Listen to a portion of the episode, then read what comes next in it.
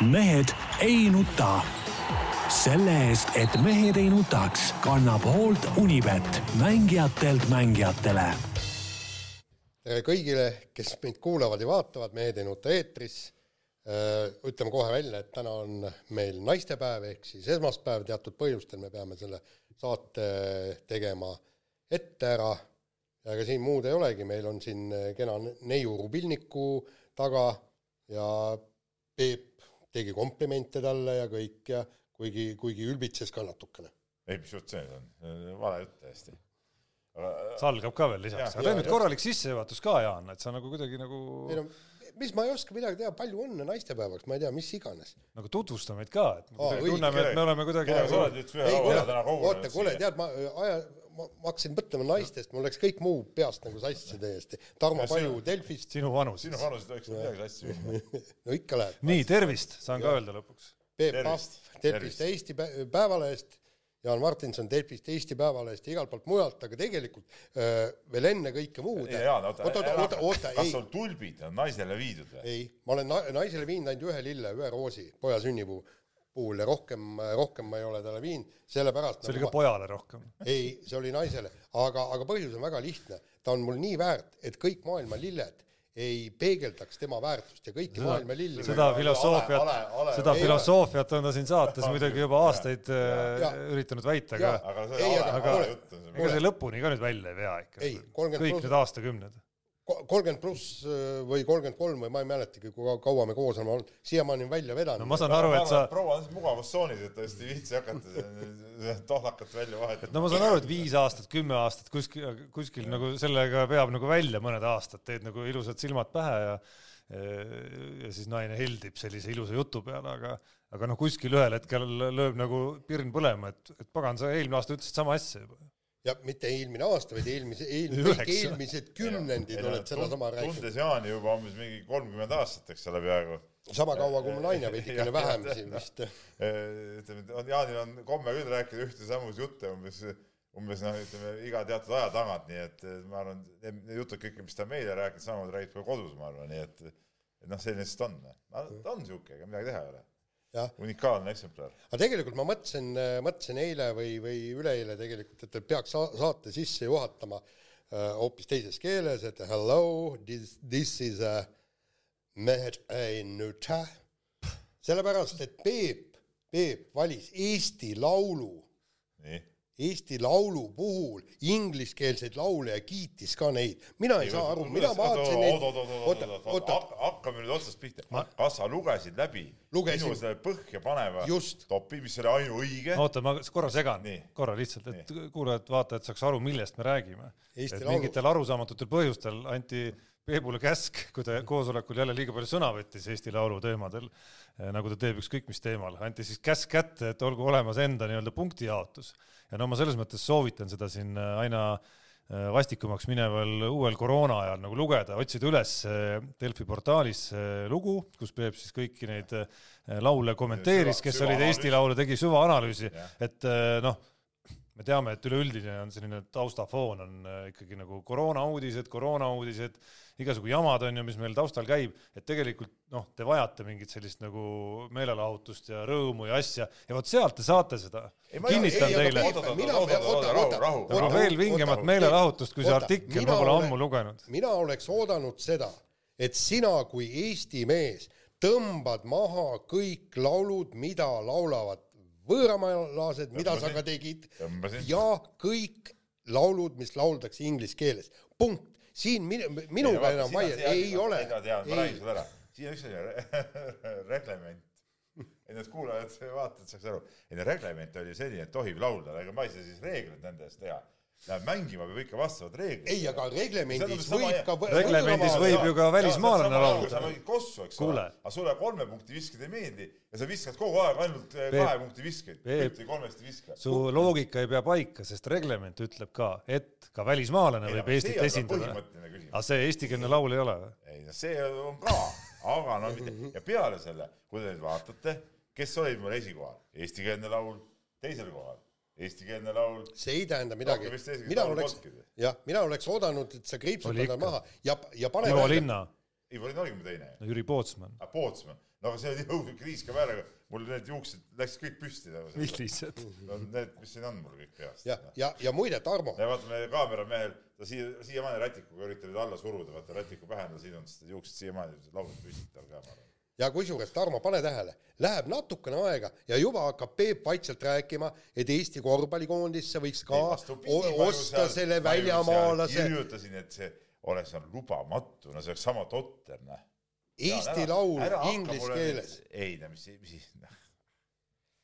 Aga ta tohlakas ei saa aru. ühesõnaga, minu soovitus on ikkagi see ära tarbida, sest no lihtsalt saate nagu meelt lahutada ja mitte ei, tingimata, mitte tingimata nende lauljate üle, vaid no lihtsalt, et kuidas üks inimese loom on võimeline selliseid tekste sinna nagu kirjutama ja niimoodi maailma vaatama. oot-oot-oot, jällegi, jällegi tegelikult mina ei suutnud aru saada ja ma Peebule seda kirjutasin ka, et kuidas ta oli võimeline need laulud kõik läbi kuulama ja ma küsisin ausalt ja otse, et kas sul oli okseämber kõrval, sellepärast et no andke andeks, ma isegi ei jõua neid klippe, no tõesti. aga Tarmo need... nägi mind, kui ma kirjutasin, mäletad, sa käisid mul laua kuulas, kuulas. ei olnud ämbrit. talle meeldis isegi.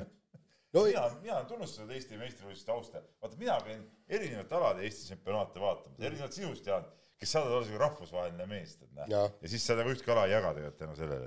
aga mina, ma olen rohujuure tasandil ja ma võin, ma võin rajooni tsempionaati ka vaadata. ja aga Peep, tõesti, vot selles sul oli õige, miks ma ei suutnud ka neid kuulata, sest see oli mehed niisuguse kiljuva häälega, vaata sina vaatasid need klipid läbi, kas neil oli teatud kehaosa oli nagu kruustangide vahele? niimoodi seda tehakse.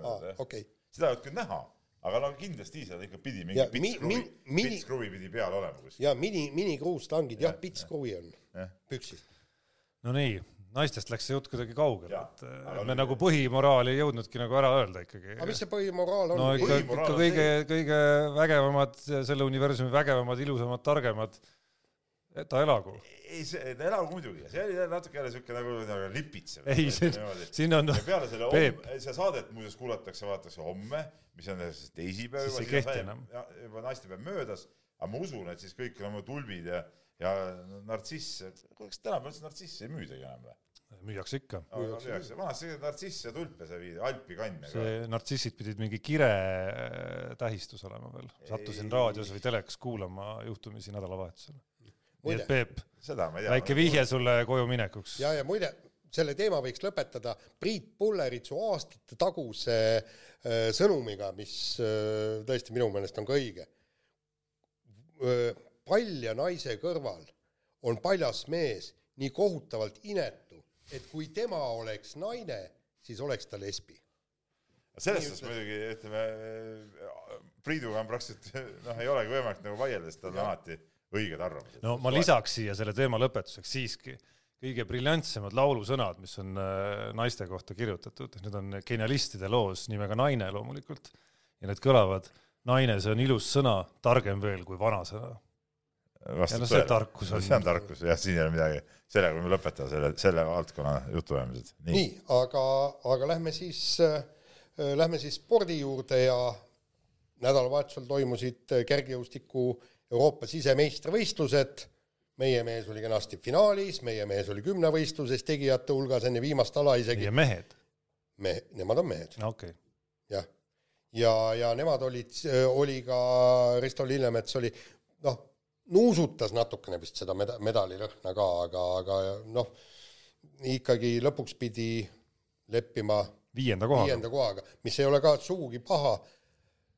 no ei ole paha, aga ütleme niimoodi, et tegelikult ütleme, kuni teivashüppeni oli, oli mäng oli äh, suurem, et variandid olid olemas, aga see oleks eeldanud ikkagi teivashüppes ka natuke niisugust eneseületamist, eks seal oleks tulnud ikkagi ka seal viie kahekümneni no, viis kahtekümmend oleks vaja olnud. jah, jah, ja aga, aga ütleme oma aga oma selle taseme tegi ära ja selles suhtes äh, küll tubli mees, ütleme niimoodi, et, äh, et midagi ette heita küll ei ole, et sealt medalit nüüd ei tulnud. et see medal oleks olnud igal juhul nagu ilmselge boonus, aga selles suhtes üldse nagu vägev EM oli nagu meie poolt vaadatuna ikkagi, ikkagi kui Eesti mees on, okei okay,, jätame mitmevõistlus, mitmevõistlus, see on alati huvitav vaadata ja, ja, ja põnev ja pakub eestlastele palju, aga, aga kui ikkagi äh, sprindidistantsil, ütleme Äh, kõige kuninglik, kuninglikumal distantsil, okei okay,, sisetingimustes kuuskümmend meetrit, aga sisuliselt teeb sama välja, mis välistajatel sada, on eestlane finaalis, no siis see on juba ikkagi, ikkagi kõva värk, siin pole midagi öelda. mulle kusjuures natuke sel nädalavahetusel hakkas tekkima see tunne, et et me oleme siin saanud viimasel ajal tõdeda ja rääkida ja mitte ainult meie, vaid siin äh, isegi hiljuti eelmisel nädalal vist äh, võrkpallurid oma podcast'is rääkisid sellest korvpallikoondise nagu uuest põlvkonnast, kuidas see, see on nagu teistsugune juba oma, oma mõtlemiselt kuidagi, et äh, minu arust see selle uue kergejõustiku põlvkonna kohta käib ka natuke samamoodi, et tulevad niisuguste säravate põlevate silmadega tüübid äh,, lõhuvad mingisuguseid eelarvamusi selle kohta, et ma ei tea, näiteks, et eestlased ei ole sprinterid, on ju. aga nad ei olegi ju no jah, aga teine asi on see, et ega, ega kas Nazarov nüüd ütleme jälle näiteks sajas meetris äh, oleks sellisel tasemel, aga me ei tea. ei no me ei tea seda. me ei tea seda. Aga, aga, aga, aga ma ütlengi, et, et äh, selle teema nagu jätkuks ütleksingi see, et, et mul kogu aeg, kui ma vaatasin seda sise-EM-i, kogu aeg peas trommeldas see, et kus meie ujujad on kõik need medalid võitnud, eks. Nad on võitnud sise-EM-ilt ja enamasti nendelt distantsidelt, mida MM-iga lühirada ja kusjuures veel lühirada, et see teebki nagu me ühest küljest nagu tunduks, et nagu meil on ujumist, aga, aga siis, kui me vaatame, kui meil ei ole mitte keegi, mitte ükski täitnud ka olümpia A-normi et siis see näitab ikkagi no ma ei tea, kus sa nende ujujateni praegu jõudsid. ei, just see. et nad ei ole ammu, nad ei ole ka ammu ka seal. ei, aga kõik need meie staarujujad, kõik täpselt samamoodi, Triin Aljandid. Jaani see mõte, mina saan küll aru, mida Jaan mõtleb ja tegelikult see ongi, ma ise mõtlesin nädalavahetusega selle peale, et Eesti kergejõustiklaste paljus, paljuski see variant ongi Euroopa meistrivõistlused ja, ja, ja veel okei okay,, seal sise EM-il, kus sa veel vähem osaled, sinna muidugi jälle mõnes mõttes mõnikord raske peale saada, aga noh, saadakse peale. aga ütleme üldse, üldse rahvusvahelisel areenil midagi saada, on ikkagi Euroopa meistrivõistlused, noh, see on ju, ju näidanud ka varasemad võistlused, noh, et, et, et selles suhtes õiges kohas peab olema õiges vormis, noh see ja, on meie võistlus nii-öelda. ja, ja sellepärast ma räägingi, et, et kui, kui sa ütled sprinter, noh, kes on sprinter, eks, kui sa jooksed sadat meetrit kümme-viis on ju, oled sa sprinter või? maailma mõistes ei ole ju selge see, et MM-il ei oleks ilmselt nagu mingit variantigi, noh, see on lihtsalt see, see, see, nagu lihtsalt see tunnetus, mis mul tekkis üldse, noh, siin äh, vanad mehed ju üldse armastavad rääkida, kuidas uue, uue põlvkond ei kõlba kuhugi ja nii edasi, on ju. üks, mis äh, mulle on kogu aeg jäänud nagu vastupidise näitena silma, on see, või, või nagu tundena, tundena nagu sisse, on see, et, et kui on need noored, kes leiavad selle nagu enda kire kuskil siis, siis nad on valmis nagu minema läbi seinte ja tegema mida iganes, on ju.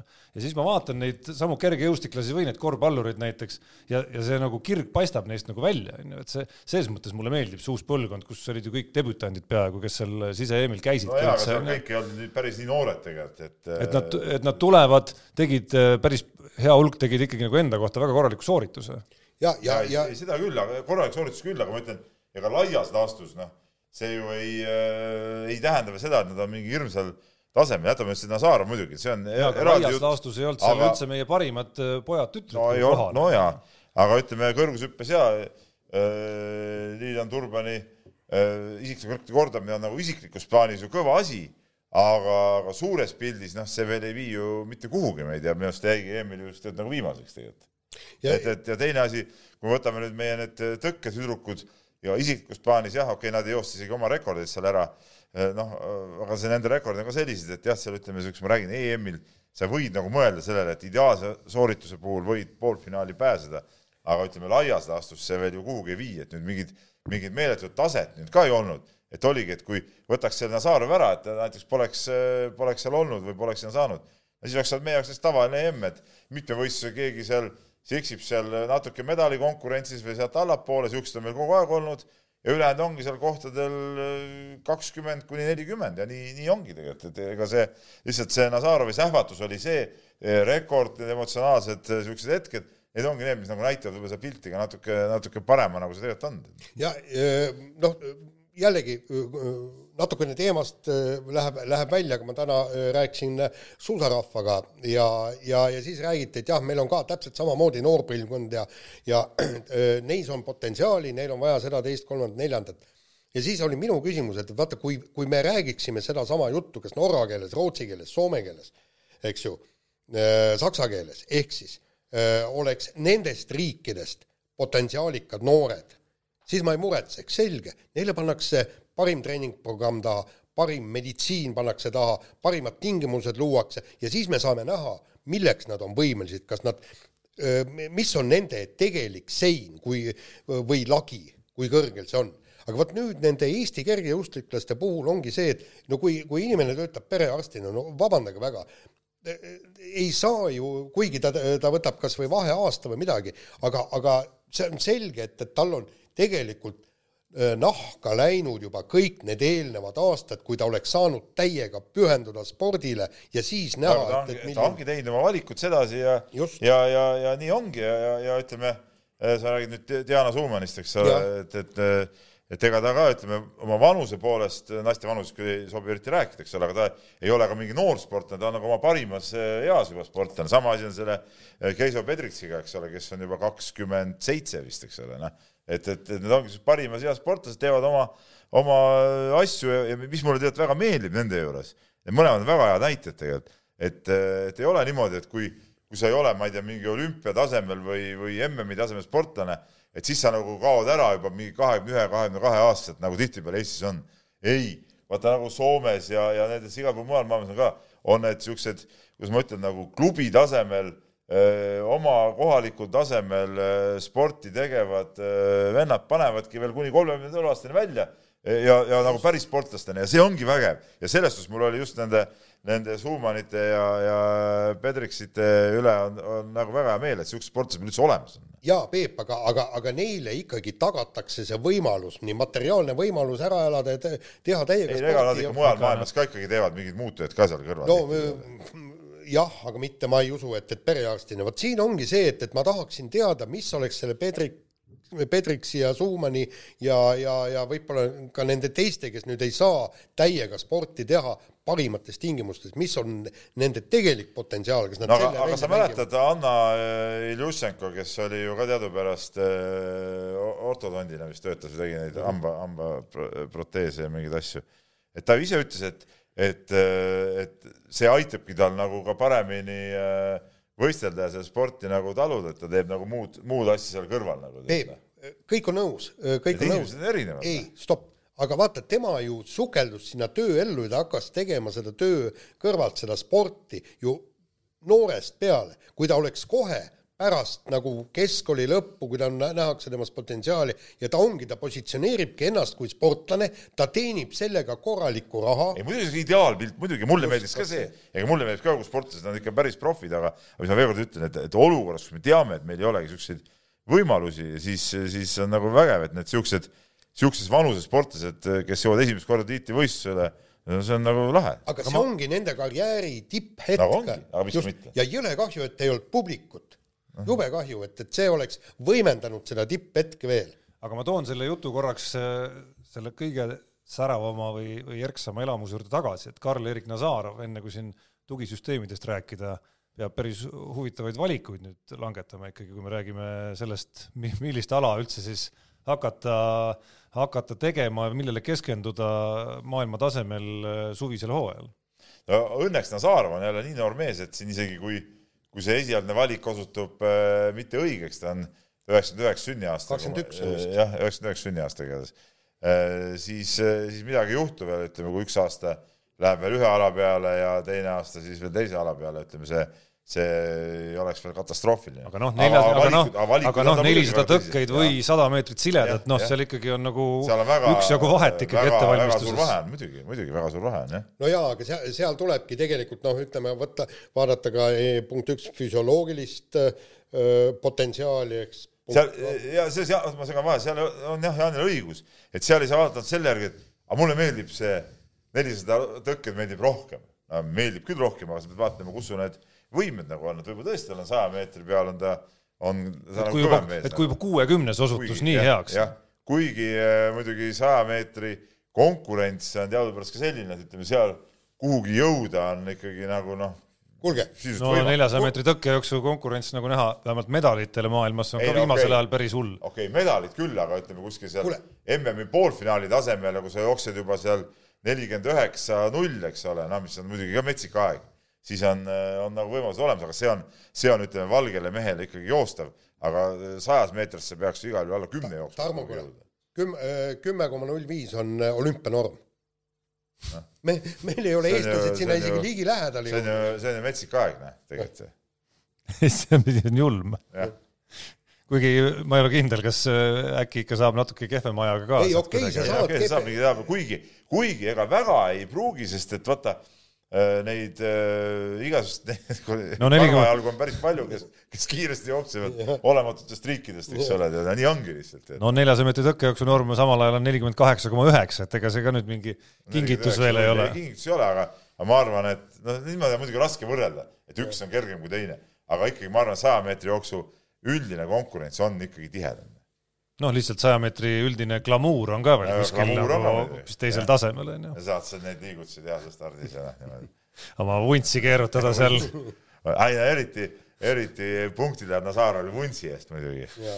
ma saan aru, et suurem, suur osa naisvaatajaid vaatavad ja, ja kiruvad seda. no seal on kaks varianti, et kas meeldib või ei meeldi, tead noh. Jaani pealt vaatame, siis mõnedele meeldivad. ei, mis vägev ju. Nazarov on selles suhtes parem vunts, et tal õllevaht ei jää sinna niimoodi kinni nagu no Jaanil. jääb, jääb, jääb ikka, kui, kui on vaht on ikkagi palju seal kannu peal ja aga vahetame teemat. kõige õudsem asi Jaani juures ongi see, kui ta lutsib oma neid vuntse. ah kuule, ära hakka, sa, inimesed, inimesed katkestavad ära meie saate vaatamise ja kuulamise, kui sa sellistele liinide peale üldse selle jutu viid. see on nii nagu äh, legendaarne peatoimetaja Väino Koorberg, ma mäletan alati ikkagi Õhtulehes manitses, kuidas noh, teatud kehavedelikke ikkagi nagu ei näidata lehes on ju piltide peal, et noh, et on ka teatud kohad, Peep, kuhu seda juttu lihtsalt ei vii, et vaatajatel-kuulajatel ei Ei, tekiks nagu mingit sellist ei, nagu reflekse ei, aitab küll, aitab nüüd Peep. Lähme edasi. ei, ei, ma, ma, ma lihtsalt ütlen, ütlen hästi kiirelt, et, et Peep, tegelikult minul on ju hoopis teistsugused re- reaktsioonid. mul hakkas suu vett jooksma, tahaks praegu ühte külma kannu õlut. aga me vahetame teemat, külma kannu õlut sa veel ei saa. Teine suurvõistlus lõppes ka pühapäeval, murdmaasuusatamise ja üldse suusaalade maailmameistrivõistlused. Ja noh, siin on rääkida küll, alustades sellest, millise ägeda skandaaliga see asi eh, lõpuks päädis. Ja noh, see, see oli nagu mõnes mõttes nagu selline hea punkt MM-ile, mille üks eh, põnevamaid eh, selliseid läbivaid jooni oli ikkagi ühe venelase ja, ja suure hulga norralaste suur mõõduvõtmine päevast päeva, et siis see Kläbo disk-, diskvalifitseerimine ja Boltšunovi hõbeda mitte vastuvõtmine ja kogu see möll, see oli nagu äge finaal no lihtsalt. enne kui me hakkame Kläbost ja Boltsunovist rääkima, on mul siin nagu ütleme, mul on siin nagu teatud küsimusi meie ühe eh, saates osaleja eh, ütleme nagu kohta tegelikult No..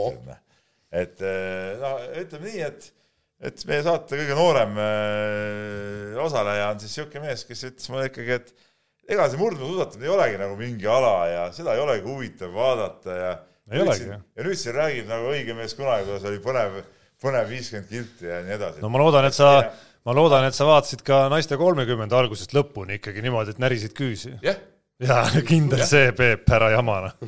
sellist, sellist, sellist häbematut äh, vale, no ei küüsi maksa ma ei kunagi. ei maksa siin küll ajada, vaatasid või? muidugi, miks ei pidanud vaatama. tähendab, ma tahtsin öelda seda, et me Jaaniga siin korduvalt eh, tegelikult MM-i ajal rääkisime ja, Jah. ja, ja Tarmo ei, ei, ei tahtnud uskudagi meid, ütles, et me Ei, oleme sinuga vanad, et me oleme sinuga vanad, iganenud, ütleme, ei jaga asja enam, et kuidas murdmaasuusatamine on ikka tõesti põnev spordiala. No tegelikult, et täpsustada, Peep, pakkus ikkagi nagu väga palju Oota, võta see tegelikult, et- viisteist oo, oo, eraldi oota, meeste stardist. vist eraldi stardist, ülikõva võistlus. jaa, no tegelikult, et täpsustada Ei, oota. tegelikult, et täpsustada, räägime siiski, et jutt käis sellest, kas ma vaatan töö ajal suusatamist või mitte, onju. Teil kahtlemata on see nagu töö osa, onju, mul kahjuks või õnneks mitte. see on su oma, oma rumalus, et sa oled nagu selle Aga- aga, käest ära sul oli võimalus, mis ma sul oli võimalus. tuleme nüüd teema juurde. oota, oota, millest see jutt üldse pihta läks, ma ütlesin, vanasti, kui hakkas suusa mm, jäid inimesed kas haigeks, võtsid puhkuse või tegid tööluusi, eks ole, kõik vaatasid kogu aeg, mm käib, eks ole. No ma ei tea, kas ma olen, aga nüüd ma vaatasin toimetuses, isegi ma mäletan veel üks kümmekond aastat tagasi, kui ma töötasin veel Postimehes, siis Postimehes kõik telekad käisid, kui suusatamine.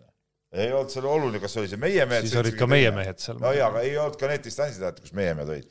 ikka telekad käisid, kõik vaatasid.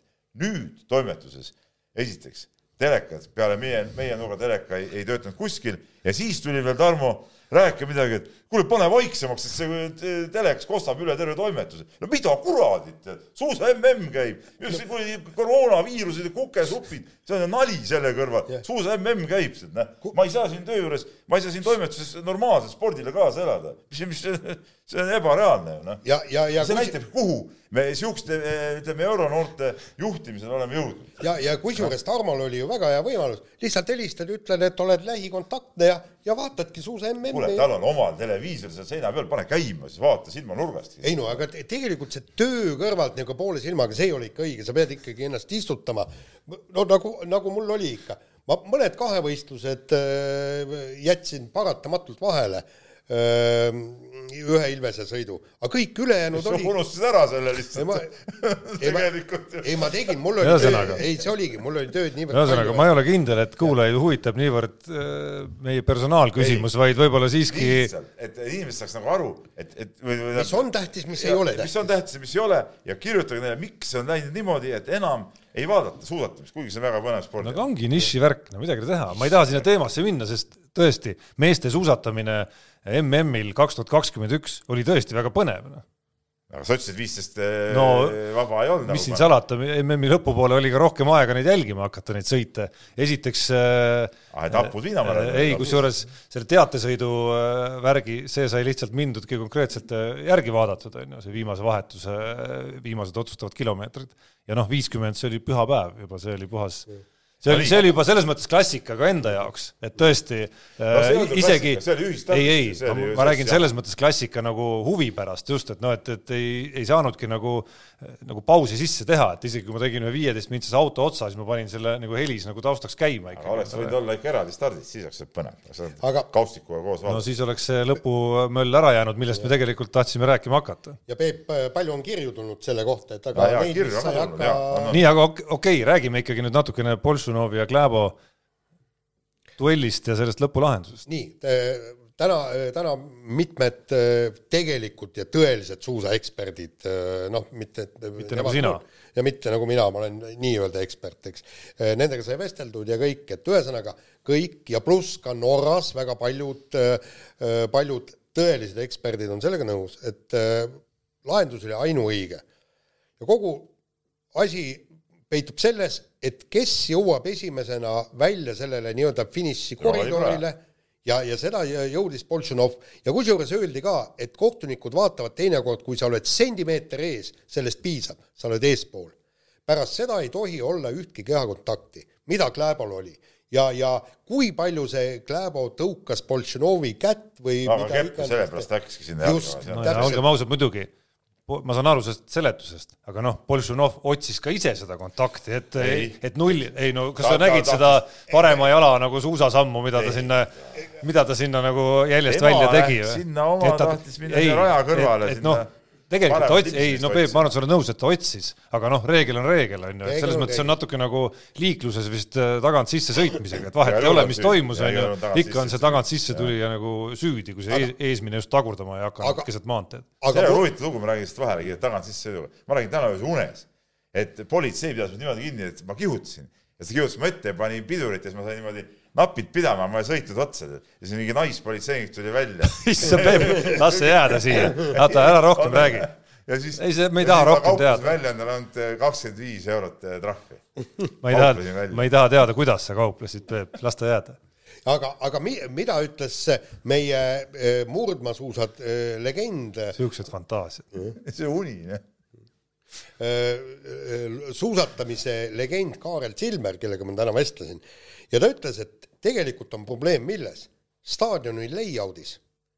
ja, ja ta ütles, see on seal probleemid tekivad ja lahti eh, staadionil sa tuled suure kiirusega ja tuled kurvi, loomulikult sa lähevad, kõik lähevad sellele väli, välimisele rajale. vaata, oleks see kurv nagu laugem, pikem, siis ei oleks vaja, siis ei vea sind see kiirus sinna, sinna tagumisse jälge ja oleks kõik, kõik probleemid lahendatud olnud. Ja oleks olnud, kui su kiirus veab nojah, Kläbo oleks pidanud, et määrustepäraselt mööda saama, mööda saada, oleks ta pidanud nagu natukene aeglasemalt sõitma sel Just. hetkel, et siis nagu tuulest välja tulla, nähes nähes ära, ei no no seal ongi, seal tulebki see paradoks nagu mängu, on ju, et ta oleks pidanud natuke aeglasem olema selles kurvis, on ju, selleks, et ta näeb ära, kuhu rajale üldse Boltšunov, millise ta valib üldse, on ju.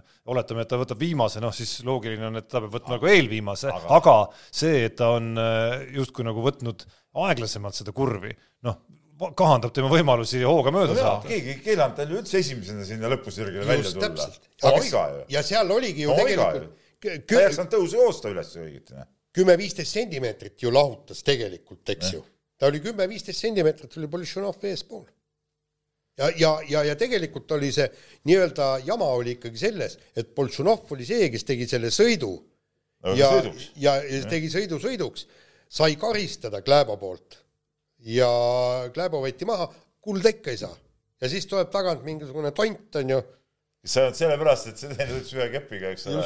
Ainult sellepärast sai selle võidu lõpuks. jah, ja kusjuures huvitav oleks see, kas see otsus oleks tehtud ka siis selline, kui oletame, et Kepp oleks siiski terveks jäänud.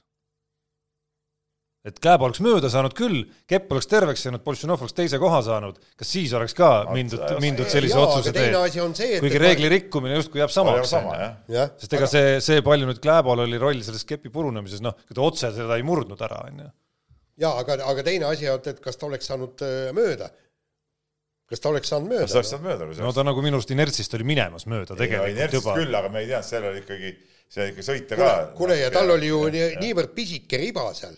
Üks sõidab jäljes, sina sõidad jä- jä- jälje kõrval. No ja seal oli veel ka, ka need ei no seal oligi see küsimus, ei, seal oligi väljast- kas, kas äh, Boltšanov oleks jälge üldse läinud, ta läkski ju sinna jälje kõrvale, sest jälje kõrval äh, tundus, et võis libiseda isegi paremini. jah, et see on, see on huvitav, aga, aga tegelikult idee järgi Kläbole poleks seda ruumi jäänudki üldse tegelikult, noh, kui ta oleks saanud rahulikult seal sõita. ja, ja, ja, ja, ja muidugi te, teisalt jälle, eks ju, tegelikult selle ütleme nii-öelda kogu selle murdmaosa, MM-i murdmaosa tegigi ju Boltšanov suureks. okei okay,, seal oli Rootsi naised, kes võitlesid norralannadega, seal oli ka, aga, aga just see, et, et Norra oleks võitnud absoluutselt kõik meeste medalid viimseni, kaks teadet võitis ja ainsad, mis jäid võt-, võitmata, oli Boltšanovi kuld ja Boltšanovi hõbe, kusjuures mõlemal distantsil oli lon- norralane neljas. Eks see tuleks, ütleme niimoodi ja, ja, ja ausalt öeldes noh, ega äh, kava kõik, et kes see, kas äh, Iversen võidab Kläbo, noh, suurt vahet maailma jaoks ei ole. ei no lisaks annab vürts ikkagi juurde see Boltšunovi kuidagi figuur seal ka veel juures, eks ole, see mingi omaette olemine ja, ja selline kuidagi printsipiaalne Tegelinski kuskilt, kust, mis pärapõrgust ta oli. ei, ta oli mingisugune väike linn, keegi ei mäleta, ei teagi selle linna nime, viissada inimest elab seal. et selles mõttes tuleks kindlasti, ma arvan, kasuks suusatamisel rohkem, kui muidugi see telg jooksekski rohkem edasi, mitte ükskõik milliste norralaste suunas, vaid ikkagi Kläbo ja Boltšunov. ja, ja kusjuures me, aga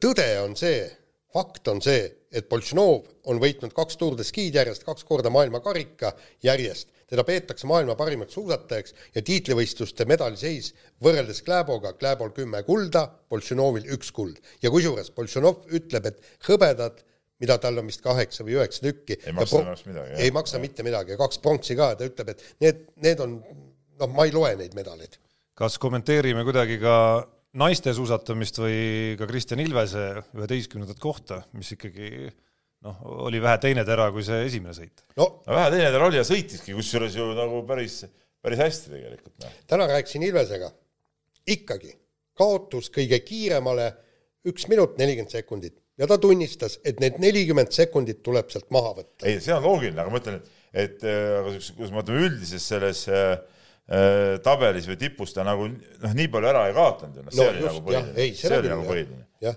aga, aga ikkagi selleks, et, et ta, nagu ta ise ka ütles, üheteistkümnes koht on hea, aga see ei ole see, mille pärast ma trenni teen. olümpial on tema eesmärk kindlasti miinimumeesmärk esikümnesse, maksimumeesmärki noh, välja ei öelnud, selge see, et, et vähemalt olla medalivõitluses sees.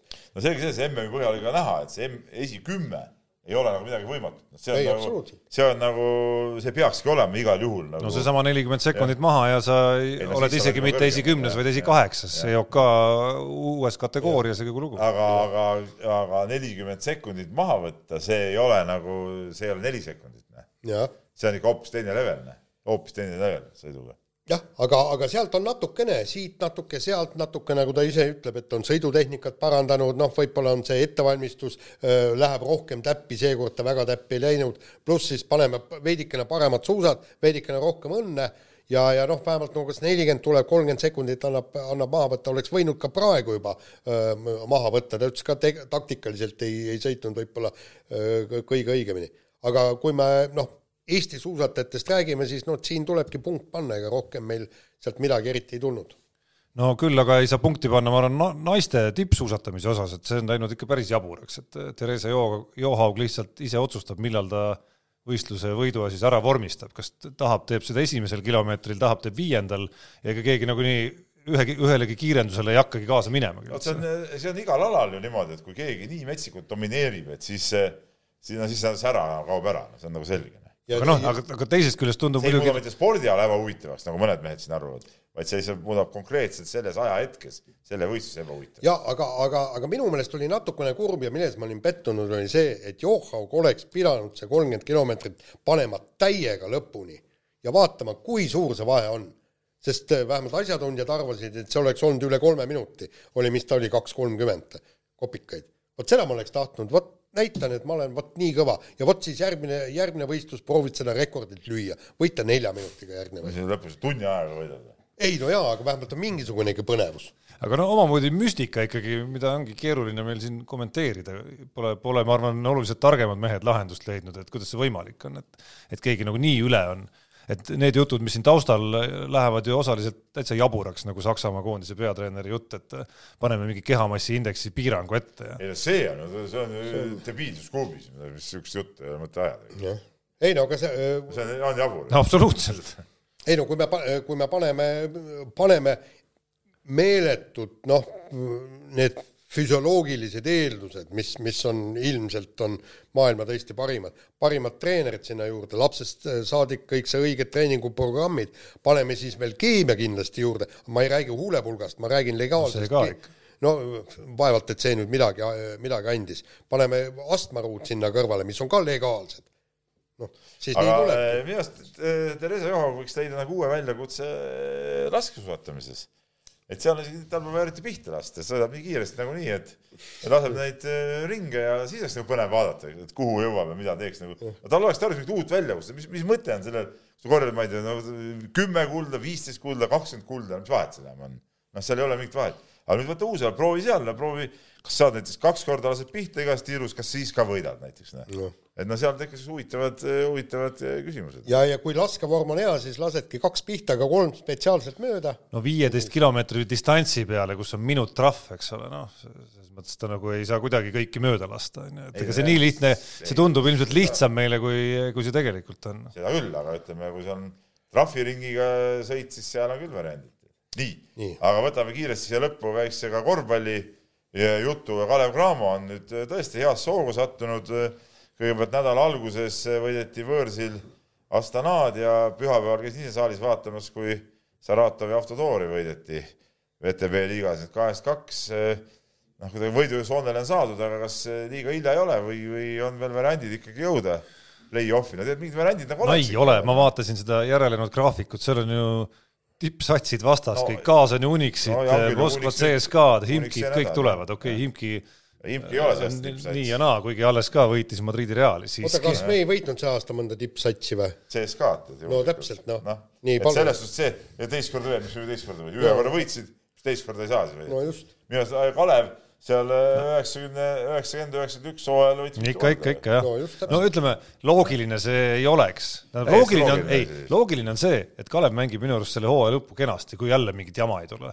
et äh, see mäng, mida nad praegu mängivad seal Äh, see, et nüüd on lõpuks mingi stabiilsus tekkinud juba mõnda aega ja sellel koosseisul on ju potentsiaali juba tänu sellele, et sul on niisugune tagapaar olemas, Lewis ja Keen on ju, et kui need mõlemad on olemas ja klapivad omavahel kokku ka veel, mida nad viimasel ajal klapivad, siis siis noh, selle, sellega on loodud minu arust väga suur eeldus juba. praegu otsitakse veel kiiresti veel ühte mängijat, keda Timo Sokko asemel tuua. just, ja sul on korralik tsenter olemas. eile, eile seal hallis ka äh, räägiti, et ma seal natuke poole ajal ka Äh, kuigi seal ei tohi eriti liikuda ega, ega rääkida kellegagi, siis ma äh, käisin tualettruumis ja siis teel sinna ja tagasi siiski jõudsin ka mõne inimesega vestelda, kes on ka saali veel lastud ja ka tualettruumi sattus. jah, vaid see hooaeg on ikkagi läbi, et, et noh, seal, et see ja uus mängija on, on otsimisel, seda ütles pärast ka peatreener, et uus mängija on et no kui sa isegi paberil vaatad seda nagu komplekteeritust sellisel kujul, nagu nüüd on, et sa saadki sellise satsiga tööd teha ja mängida kogu aeg ilma et seal koroona ja vigastused midagi teeks, siis ka veel, puudu. jaa, et siis seal ongi ju potentsiaali, et no sul on need kaks tagameest, keda ma loetlesin, sul on korralik tsenter ja siis on sul Janar Jõesaar, kes tundub, et nagu just sellistes oludes nagu.... Mängu vaatasite või? jaa see üheselt tonk oli muidugi päris raju ju. aga noh, just sellistes oludes tundub, et ta nagu lööb nagu õitsele, et kui seal on kõrval ka veel sellised tagamehed, on ju.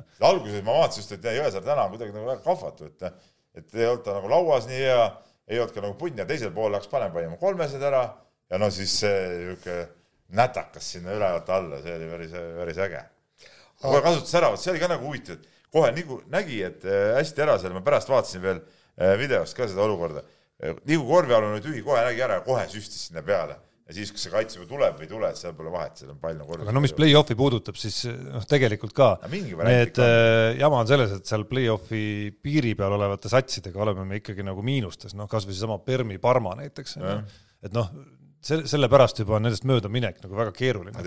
pluss, see oma graafik, et noh, Kaasani Unix on järgmine. tead ka seda seisu, millega nad siin hiljuti mängu alustasid. Kaasani Unix on, on metsik, äh, metsikus äh, vormis. no just, no ma räägingi, mis see oli, kolmkümmend? kolmkümmend äh, kolm, kolm, kolm või midagi siukest, jah, jah. nii, aga nüüd vist laseme, laseme kõlli. laseme kõlli.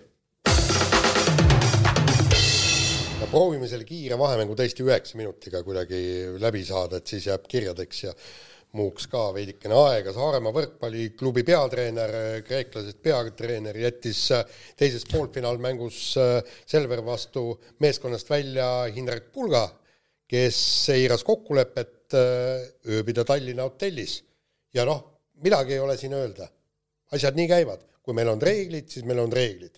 no asjad eelkõige käivad nii, ma siiski läheks sammu tagasi, Jaan, et et asjad käivad nii, et treener ütleb, et kõik on hotellis ja siis kõik ongi hotellis. ei, seda ma ütlengi. mitte nii, et ei no ütled, ei no sa ütled, et see on nagu, see on juba järgmine samm, et kui seda ei tehta, siis meeskond, mees läheb välja, on ju. et äh, ikka omaette nagu müstika ikkagi, et pulk tuli selle peale, et ma hiilin ikkagi minema sealt. see on nagu tõsiseltvõetav, no see on tõsiseltvõetav spordimees, kes niimoodi teeb, noh, tegelikult.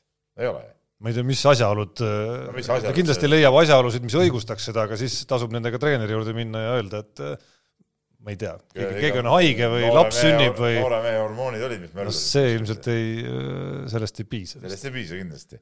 et selles suhtes, kuigi mäng oli tähtis, ma igal juhul toetan treeneri sellist käiku, et no sa, sa ei saa siis lubada, et mingi vend tuleb löhverdab kuskil ringi, siis tuleb ja laseb tal mängida ka veel, et nagu nalja teete või?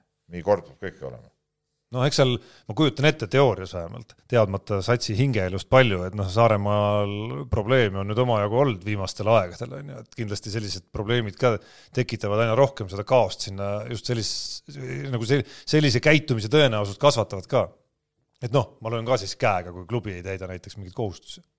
jaa, ei no see on nagu eriti ebaprofessionaalne, nagu sa niimoodi teed aga me vahetame teemat, hüppame talviste alade juurde, neljateistkümneaastane Henri Sildaru sai kätte oma senise karjääri kaalukama saavutuse, võitis rennisõidus Euroopa karikaetapi ja selle teema, see teema sai pandud sinna ainult selleks, et meie nii-öelda spetsialist Jaan saaks seletada, et kas äh, oli siis kaalukas ka või ei olnud? muidugi, kuskohast Kelly Sildaru hakkas pihta äh, just oma kerkima, kuskohast me nägime milline on, võiksid olla tema võimalused. ongi seesama Euroopa karikaetapid väiksed, kus ta võitis küll, aga meeste konkurents on ju kordades tihedam. meeste konkurents on kordades tihedam. noh, siin tuleb tõe õige spetsialist nüüd välja. no vaata, erinevalt Jaanist uurisin ikka tausta ka natuke, noh.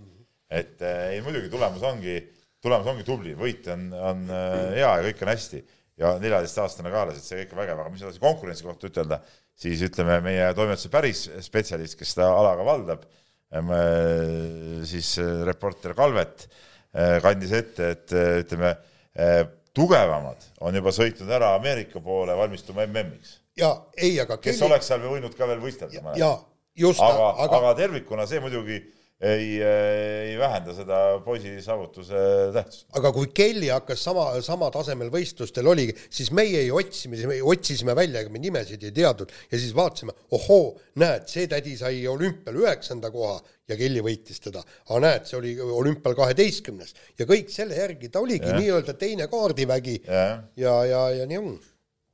aga selles suhtes on jah, ütleme poisis võib olla ikkagi ka mingit sisu, ma tean, et siin Eestis on väga palju siukseid ka skeptikuid ka ütleme spordi kõrgema juhtimise tasemel, kes nagu ütlevad, et no ei, ei no sealt ei tule ja ja, ja nii ja naa ja no ma ei tea, on siuksed, on siukseid äh, tegelasi meil siin, aga ma arvan, et see oli siuke esimene väike ninanips ka, et, et tuleb ikkagi, no sinna tuleb Peep, ikkagi rohkem toetada. ninanipsudeni on ikka minna veel. ei, väga pikk tee.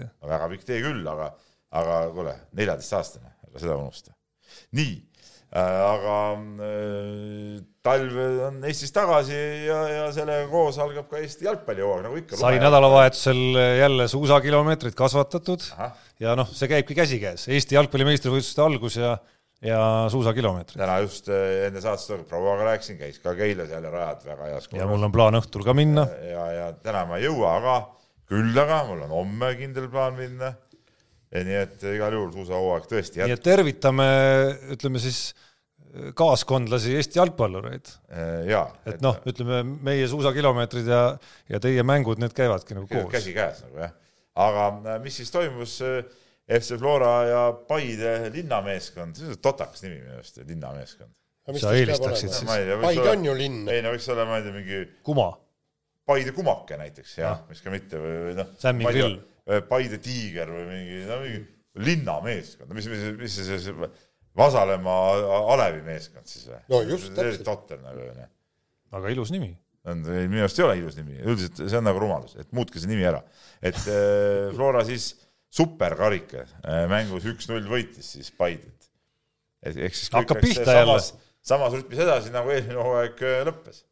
Kuigi võit oli napp, eks ole, üks-null. jaa, aga ühesõnaga hakkab pihta, ma saan aru, et umbes seitse-kaheksa eeldatavat põhimeest Floral oli veel puudu, lugesin hoolega läbi äh, kolleeg Madis Kalveti analüüsi selle kohta. väga head ja, analüüsid. väga head analüüsid on Madisel absoluutselt, et äh, mul on tunne, et see nii-öelda eelaimdus pigem peab paika, aga noh, ärme ühe mängu pärast nüüd päris, päris nagu liiga kaugele ka mine, eriti tahaks näha, mis hakkab juhtuma siis. No ma usun, et see ainus ja kõige suurem aga ongi see, et kas Rauno Sappinen õnnestub siis kuskile maha müüa selle hooaja esimeses pooles või mitte.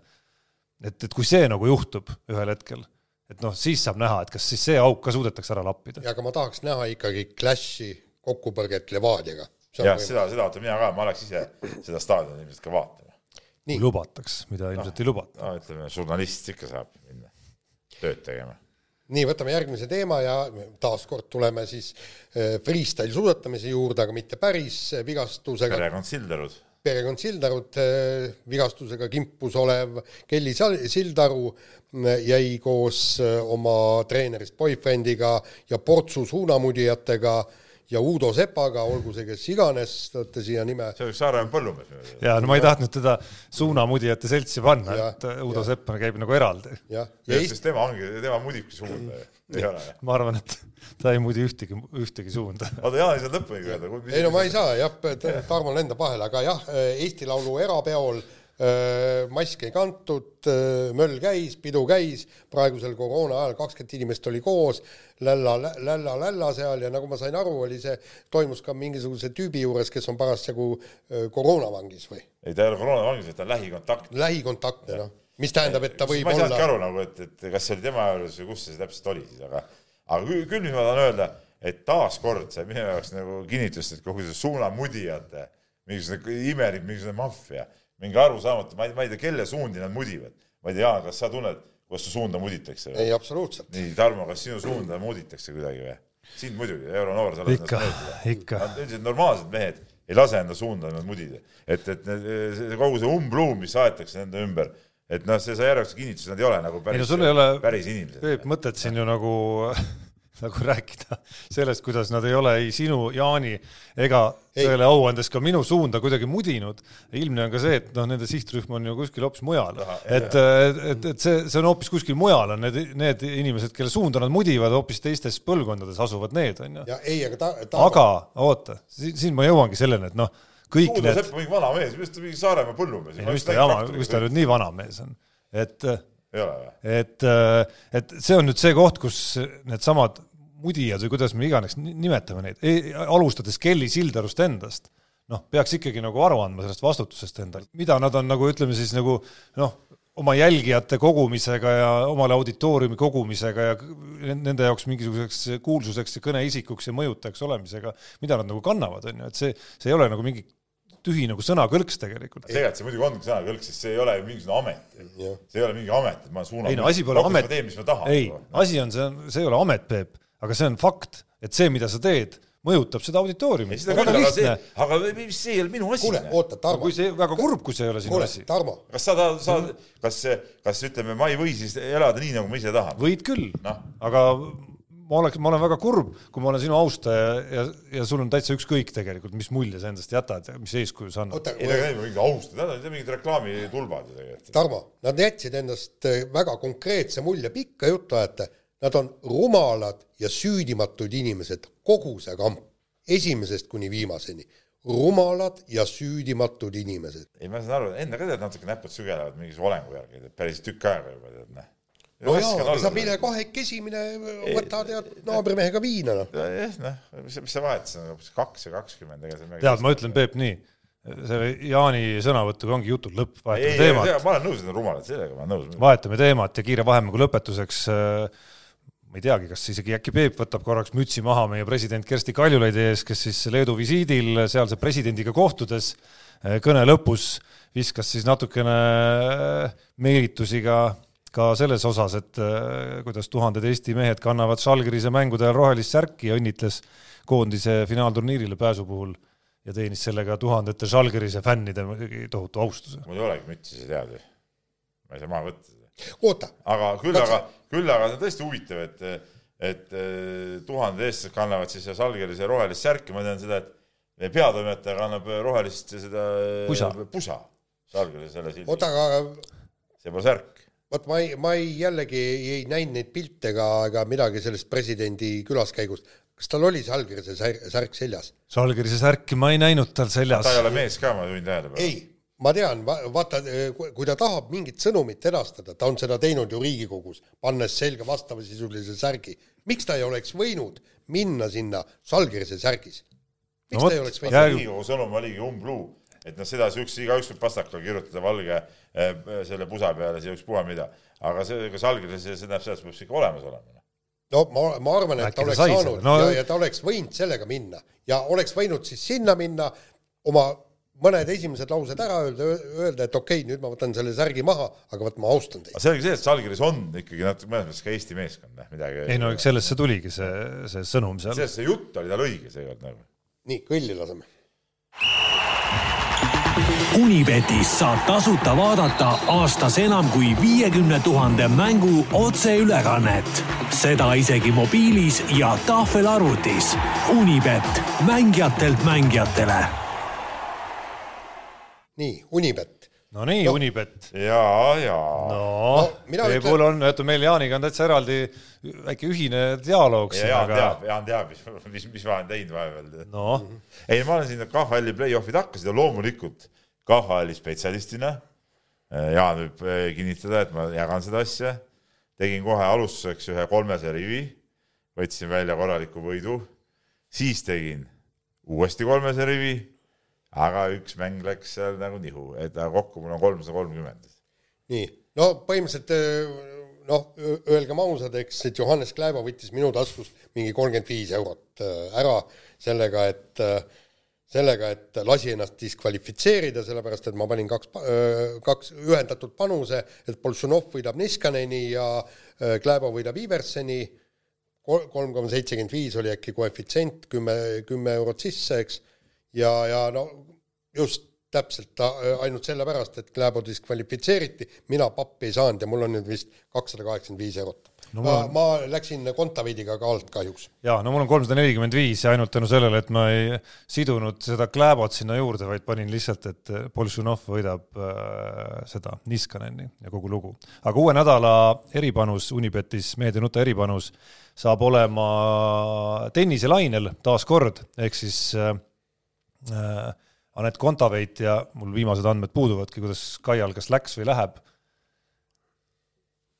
kuidas no.? ei tea. mäng käib ju praegu. jaa, mäng käib praegu, no vot, ühesõnaga või, või hakkab nüüd või? et kui ta edasi, et kui ta edasi saab, siis ka temal kõikide mängude koefitsiendid, mis, mis neil veel tulemas on Dubai turniiril, et nende koef- võidukoefitsientid mehed ja nuta eripanusena saavad olema siis tõstetud.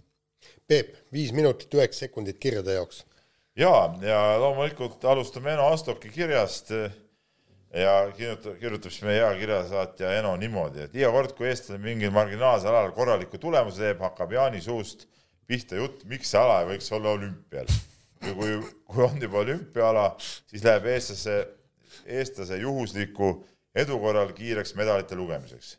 huvitav, kas selle haiguse kirjeldamiseks on juba olemas mingi meditsiiniline termin või peaks tegema ettepanek nimetada see näiteks Martinsoni sündroomiks. no siin ta räägib siis äh, äh, rennisõidust ja sinu see suusaorienteerumise jutust Daisy Kuldre näitel, no jaa. no mina, ma võiks, ma võiksin. ma, ma võin siin, oota, ma ise vastan Jaan Aastakule, ta ütleb, et, et vaeva, kas ma üldse teadsin seda sportlast enne kõik nii, ma lihtsalt ja. tahan öelda, et ma olen orienteerumisega amatöörtasemel, tähendab rahvaspordi tasemel, punkt üks ise tegelenud, punkt kaks, ei, ma olen, ma olen eh, tegelikult orienteerumist ka jälginud. Kudra ei olnud sündinudki, kui sa sellega tegeled. suusa orienteerumisega või? Ei, orienteerumisega, tema on ka orienteeruja, ma olen jälginud orienteerumisvõistlusi, ma olen isegi arvutist muide vaadanud äh, MM-idel ja seal on väga huvitav, kuidas need nii-öelda äh, tüübid jooksevad, ma olen kajastanud jalgratta orienteerumist, olen kajastanud äh, seda Eestis toimunud orienteerumist. siis ka mingi ratta orienteerumise tiitlivõistlus. just jaa, Rakvere seal ja, kandis kuskil ümbrus, seal käisid, siis meil olen Eestis orienteerumist. ja Jaan ongi see mees, vaata kui äh, iga teisipäev, neljapäev on need ei... orienteerumis äh, neljapäevakud, teisipäevakud. Jaan läheb alati enda peale varem ära, siis ta käibki neid võist-, neid võistlusi vaatamas. mul jäi küll segaseks. kontrollpunktis, kontrollpunktis. mul jäi nüüd segaseks, kuidas. aga oota, oota, ma tahan, ma tahan nüüd jätkata. ta ütleb, et mikspärast äh, on rennisõit ja mitte orienteerumine, sellepärast üks on teleala, teine mitte. andke andeks, orienteerumisest saab teha täiesti suurepärase teleala. Peep, Äh, Londoni olümpial, mida me nautisime, purjetamist, täiesti absurdne jah. ala, aga kuidas oli, seal olid kõik need vahemaad, kõik, kuidas, kes, kuhu märki liigub. ei kõik... olnud väga huvitav mis mõttes? Teile muidugi on, noh.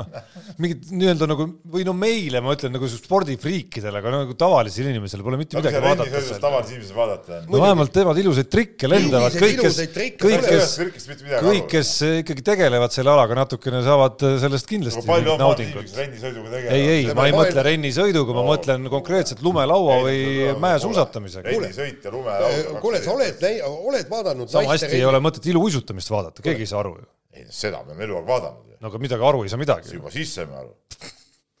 Tarmo, sa oled naiste rennisõitu vaadanud kunagi või? olen ikka ütle, kas seal on midagi põnevat, nad kõik teevad täpselt ühesuguseid trikke ja sa ei suuda eristada, miks üks on parem kui teine. võib-olla sa saad aru, et üks hüppab natukene kõrgemale, vot okei okay,, mehi võib tõesti vaadata, et seal on need trikid ka ikkagi öö, oluliselt ägedamad, aga see naiste trikid, see on ju niisugune naljavärk. jaa, aga no mu vastuväide on ikkagi, Jaan, see, et see ei tähenda, et suusa orienteerumine, kui ikka väga nišiala peaks olümpiakonkurentsis olema, et, et selle, et selle, selle sündroomi kohta, mida Eno küsis, ma arvan, siin on sobilik visata õhku äh, üleskutse või palve ühele meie teisele legendaarsele kirjasaatjale, Mihkel Plaas on tema nimi, kes minu teada töötab nagu doktorina ikkagi, guugeldades ma saan aru isegi, et, et ta on kõrva-nina-kurguarst äh, tegeleb päris peenete teemadega, et ta oskab kindlasti mingi diagnoosi Jaani kohta öelda. jaa, aga selle ma, ma ikkagi toetan Jaani, et kindlasti, kindlasti on rennisõit suurem nišiala kui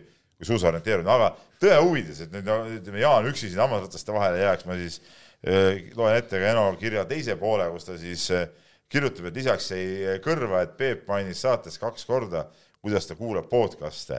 mina mäletan veel kümme aasta tagust Vähem. mees nagu metsapull Peepu, kes kuul-, kuulutas, et mehed ja nutasaadet tuleb kuulata ainult raadiost äh,, podcast'is on saatanast ja telefon ainult helistamiseks. et mis siis juhtus? ei no ega põhimõtteliselt ma, ma seisukohtades olen nagu sama et õige on mitte kuulata raadiost, vaid vaadata meid koos telepildiga, eks ole, see on kõige õigem. Eh, podcast iseenesest ongi saatanast, eh, sest et ega neid nagu ei ole kuskil võimalik kuulata, kui sa ainult ise ei tee just parajasti sporti, see on ainuke aeg, millal neid saab kuulata ja, ja nii on. ja telefon üldiselt ongi helistamiseks. ja kui helistamisfunktsiooni ei ole, siis mul telefoni ei oleks. nii et ma ei käi nagu äh, kompuuter näpus nagu kogu aeg nagu internetis. nii, oota, aga, aga vasta nüüd, siin ei ole ei, mingit, mingit loogikat on või ei ole? loogika on see, et kui ma käin oma spordiringil, siis ma kuulan, kui ma spordiringil ei käiks, siis ma ei kuulaks, noh. nii, nii palju siis sellest põhimõtte kindlusest. see on saatanast ei ole, noh. peale selle, ma pean, ma pean kuulama konkurente, ehk siis õõnesta jälle vastast nagu seestpoolt. iga aastaga, iga aastaga Peep aina ebaveenvam. aga nii, aga sellega on meie saade muideks läbi ja Peebu personaalküsimust võime arutada järgmine kord, siis kui te meid taas kord näete. Mehed ei nuta. saate tõi sinuni Unibet, mängijatelt mängijatele